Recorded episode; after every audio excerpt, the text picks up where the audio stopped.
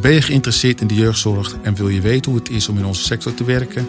In deze podcastreeks vertellen onze medewerkers over ons werk, waar onze organisatie voor staat en hoe we ervoor zorgen dat onze mensen trots zijn op hun vak en met plezier bij ons blijven werken. Bloggen is het delen van veelal persoonlijke verhalen. Hoe bijzonder is het dat jeugdprofessionals bij de jeugd- en gezinsbeschermers, onderdeel van Partners voor Jeugd, dit doen? Heel bijzonder, denken wij. Wat maakt dat zij deze verhalen actief willen delen? Hoe draagt het bij aan hun werk, hun werkplezier en hun ambitie? En wat betekent het voor de organisatie? Hoe dragen deze blogs bij aan hoe mensen naar ons in de jeugdzorgsector werken? We praten hierover met bloggers Chantal Stoop en Manuela Defilé en communicatieadviseur Mirjam de Vos. Mijn naam is Ben de Veen en ik ben nu gastheer. Manuela en Chantal, willen jullie allereerst even voorstellen? Mijn naam is Chantal Stoop en ik werk sinds 1 februari 2008 bij de Jeugd- en Gezinsbeschermers. Dus dat is al bijna 15 jaar. Um, waarbij ik uh, de laatste paar jaar ook uh, de focus heb liggen op het ontwikkelen van jeugdreclassering als nieuw specialisme. Uh, dat bestond vroeger al, maar dat willen we ook weer terugbrengen. Dus op dit moment ja, voer ik alle vormen van maatregelen uit die er zijn. En daar blog je graag over? En daar blog ik heel graag over, ja. Manuela? Uh, ik ben Manuelle Defilé. Ik werk sinds uh, augustus 2017 bij de JGB. Eigenlijk doorgestroomd naar mijn stage. Um, en ik voer ook alle maatregelen uit. Um, dat klopt niet helemaal, want ik voer geen JR uit. dus jouw specialisme voer ik niet uit. Uh, maar voornamelijk OTS'en en voogdijmaatregelen. En ja. hoe lang doe je dat al? Sinds augustus 2017. Sinds augustus ja. 2017. Um, waar, haal, waar haal je, uh, of, dus eigenlijk een vraag aan jullie, waar halen jullie de inspiratie vandaan uh, om voor jullie blogs? Maar Chantal, de vraag aan jou even een antwoord te geven. Mijn inspiratie komt uit het werkveld. Um, ja, in de afgelopen 15 jaar uh, maak je een hoop mee bij de jeugd- en gezinsbeschermers. Um, en ja, ik haal mijn inspiratie uit de dingen die ik met name persoonlijk als werker meemaak. Maar ook wat mijn collega's meemaken, wat zij willen delen op de werkvloer.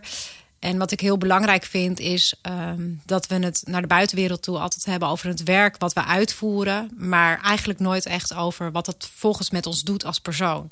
En ik vind dat het werk van een jeugd- en gezinsbeschermer, um, ja, dat raakt je persoonlijk. Um, dat doet iets met je.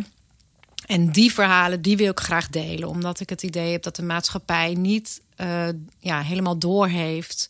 Uh, wat en het werk van de jeugd- en gezinsbeschermer inhoudt... maar ook wat het met de persoon daarachter doet.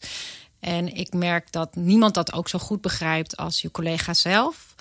Um, dan kom je wel eens thuis en dan vertel je over wat je hebt meegemaakt. En dan, uh, dan krijg je eigenlijk al snel te horen van... nou, hè, schud het van je af, je bent nu lekker thuis, laat het los. Um, ja, zo werkt het soms niet helemaal. En dan uh, ja, kan je bij je collega's terecht. En uh, nou, die verhalen deel ik graag. Ja, je vertelt eigenlijk, hè, ik haal mijn inspiratie uit het werkveld, uit de, uit, uit de mensen met wie ik werk. Maar ik wil ook graag het persoon achter de jeugdzorg werken, wil ik graag laten zien in mijn blogs. Ja, en ik denk dat ik op die manier en uh, meer gezicht geef aan het werk. Dus wat het werk inhoudelijk inhoudt, maar ook wat het met de werker doet. En um, ja, ik zeg wel eens, wij dragen geen uniform, uh, maar we hebben wel degelijk een, uh, een hele maatschappelijke functie. Dankjewel. Manuele, waar haal je je uh, inspiratie vandaan? Nou ja, ik kan niet zoveel toevoegen meer. Je hebt een heel pleidooi al gehouden. Voornamelijk komt mijn inspiratie uit praktijkvoorbeelden die ik tegenkom uh, in mijn dagelijks werk. Uh, situaties die me raken, die me aangrijpen. Um, maar ook wel situaties die me frustreren, waar de jeugdzorg in vastloopt. Uh, waar ik tegenaan loop uh, met mijn beste bedoelingen voor de jeugdigen om de jeugd te helpen. Um, maar dat niet lukt door wachtlijsten, uh, hulp die er gewoon niet is. En ook om dat aan de kaart te stellen van hé, hey, dit is er dagelijks nog steeds een probleem. Waardoor wij ons werk gewoon niet goed kunnen uitvoeren.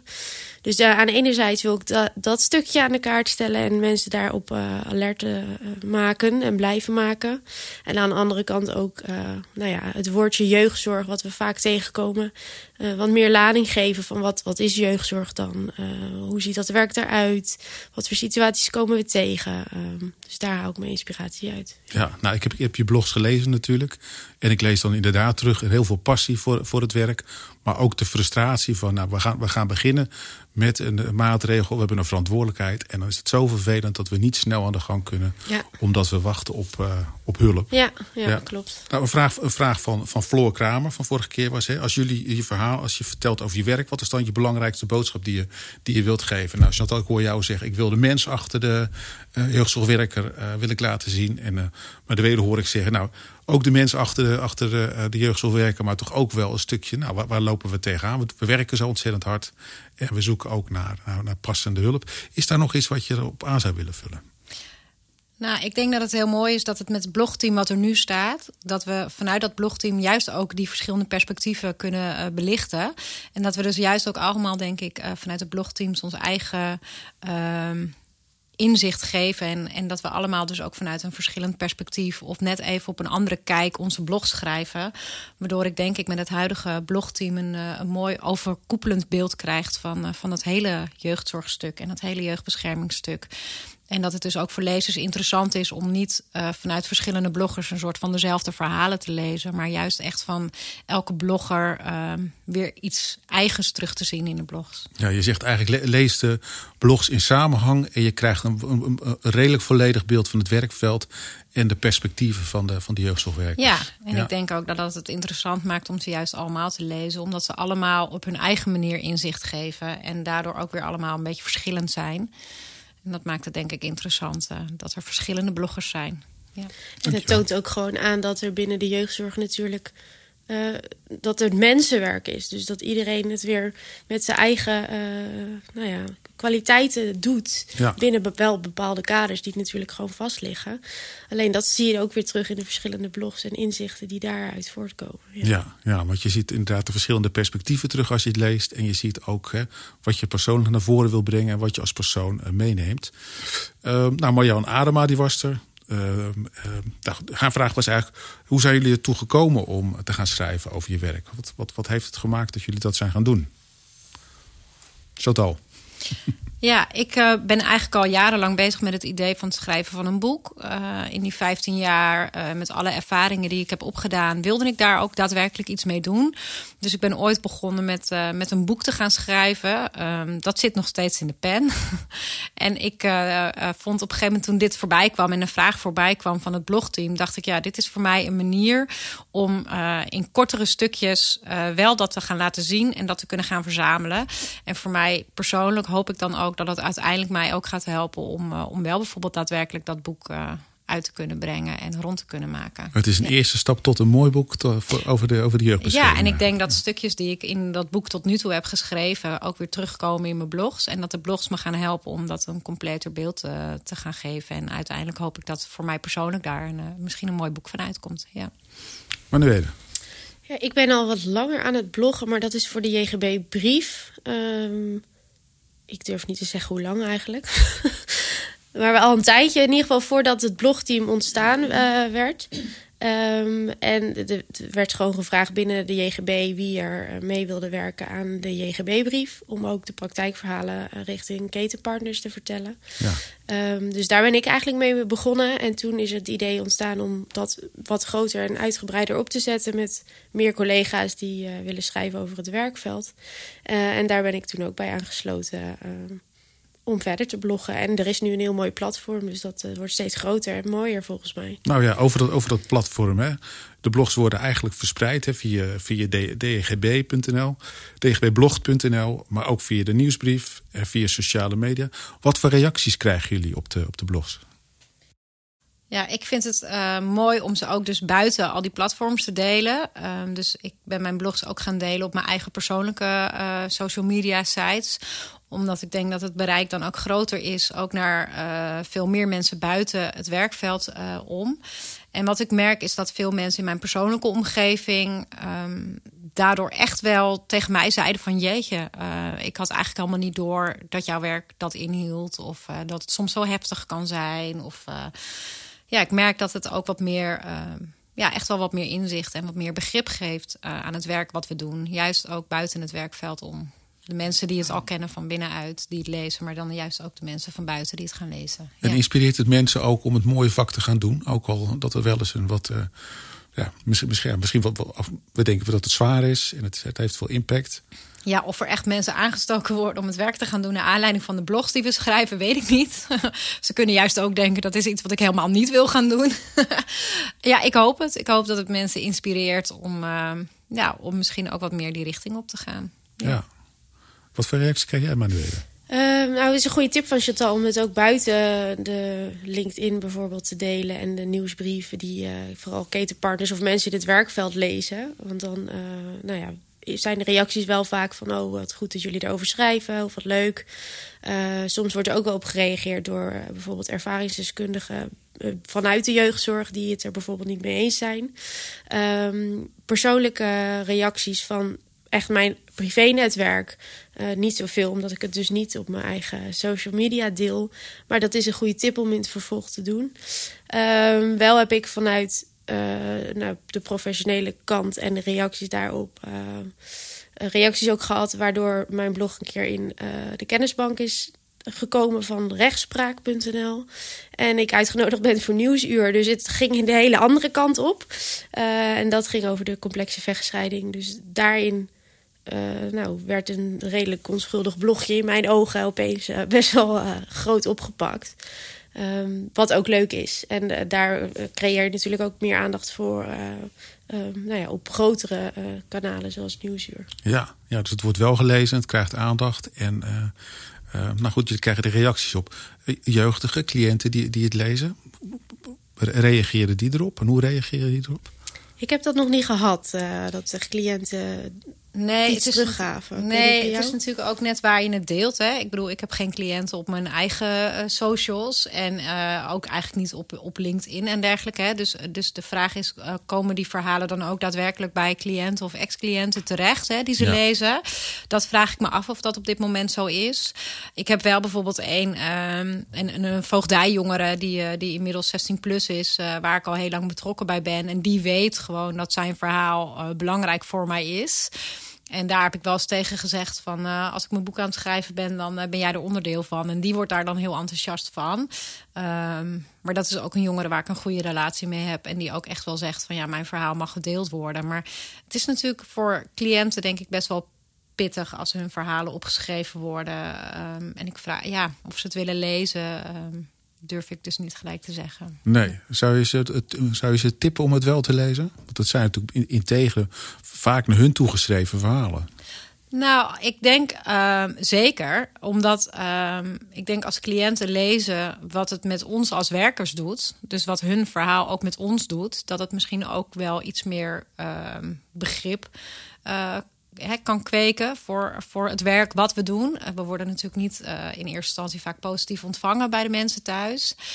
Um, en dat zij ook wat meer inzicht krijgen. Maar ik denk dat dat ook een maatschappelijk iets is. Ik denk dat de maatschappij nog steeds een behoorlijk negatief beeld heeft van de jeugdzorg en het werk van een jeugdbeschermer. En ze zien gewoon vaak niet, denk ik, waar Manuela heel veel over schrijft, ook de frustraties waar wij mee te maken krijgen. De wachtlijsten, uh, de strubbelingen, het stroeve verloop, uh, soms in de keten. En dat zou zeker, denk ik, van meerwaarde kunnen zijn als dat duidelijker naar voren komt in de maatschappij. Ja. Die struggles waar wij mee uh, te maken hebben dagelijks. Ja, ja, ja. Dus het zou heel goed zijn als heel veel mensen de blog lezen. Absoluut. Ja. Um, collega's en ketenpartners, hoe, hoe reageren die op de, op de blogs?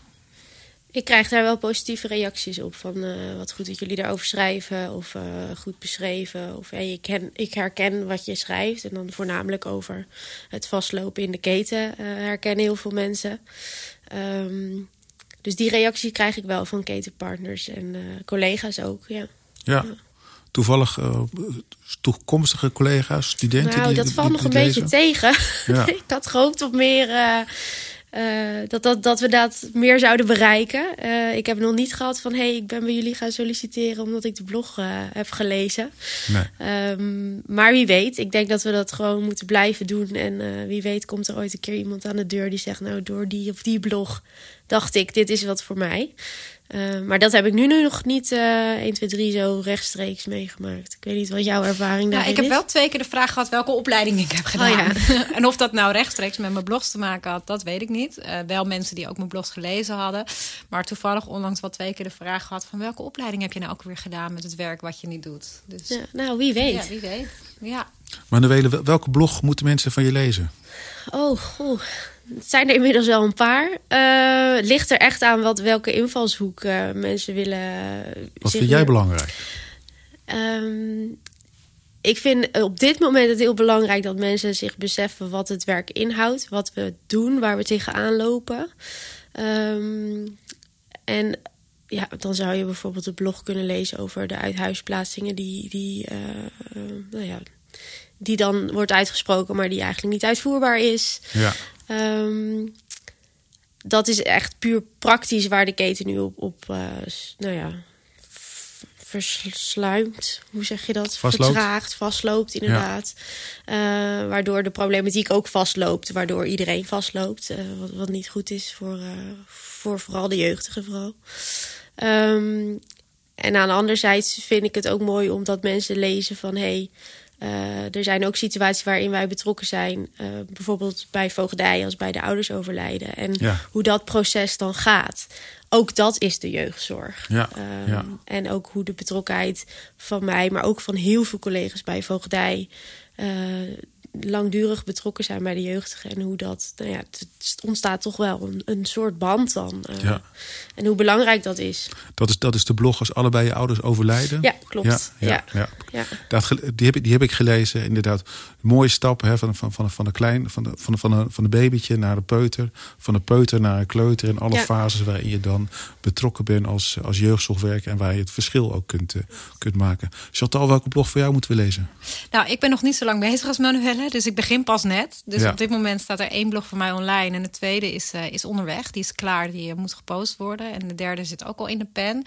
Dus op dit moment heb ik nu één blog online staan. eh, die te maken heeft met, met automutilatie. En ja, de relatie tussen cliënt en, en mij als werker. Ja, Degene die nu online komt, die heeft wat meer te maken met de struggles omtrent het onderwerp kindermishandeling. Wat gewoon echt wel een heel moeilijk besproken onderwerp blijft. Maar ook echt een heel moeilijk onderwerp is uh, ten aanzien van uh, het goed genoeg principe. Hè, uh, de keuzes die wij als jeugdzorgwerkers moeten maken en die we moeten verantwoorden bij een rechter ten aanzien van dat onderwerp. En ook vaak het onbegrip wat dat onderwerp met zich meebrengt. Dus ik zou zeggen, houd in de gaten, want hij komt elk moment online. ja, ja. Ik, heb, ik heb je blog natuurlijk gelezen. Hè. Uh, voor mij is het sorry, ik kan het niet, want ik ben ook maar een mens, is de, is de titel. En wat ik daar um, heel erg mooi aan vind en wat volgens mij goed naar, naar, naar, naar voren kwam, is de manier waarop je op je collega's kon leunen. He, je, dat je, je, je, nou ja, goed, je verhaal Ja. kon delen, kon delen waar, waar loop ik tegenaan, dat je je steun kon halen uit je collega's. Aan tafel zit, uh, zit ook Mirjam de Vos, uh, communicatieadviseur van de DNGB. Uh, ik wil jou ook een paar vragen stellen. Ja. Mirjam, wil je wat iets meer over jezelf vertellen? Ik ben communicatieadviseur bij de Jeugd- en Gezinsbeschermers. Ben daar nu uh, bijna vier jaar uh, werkzaam. Dankjewel. Um, het bloggen. Uh, een vorm, natuurlijk een vorm van communicatie die we, die we willen doen. Mirjam, was jij, was jij meteen enthousiast over het idee om als organisatie te gaan bloggen? Uh, ja, zeker. Sterker nog, uh, ik ben zelf met het uh, initiatief ge gekomen.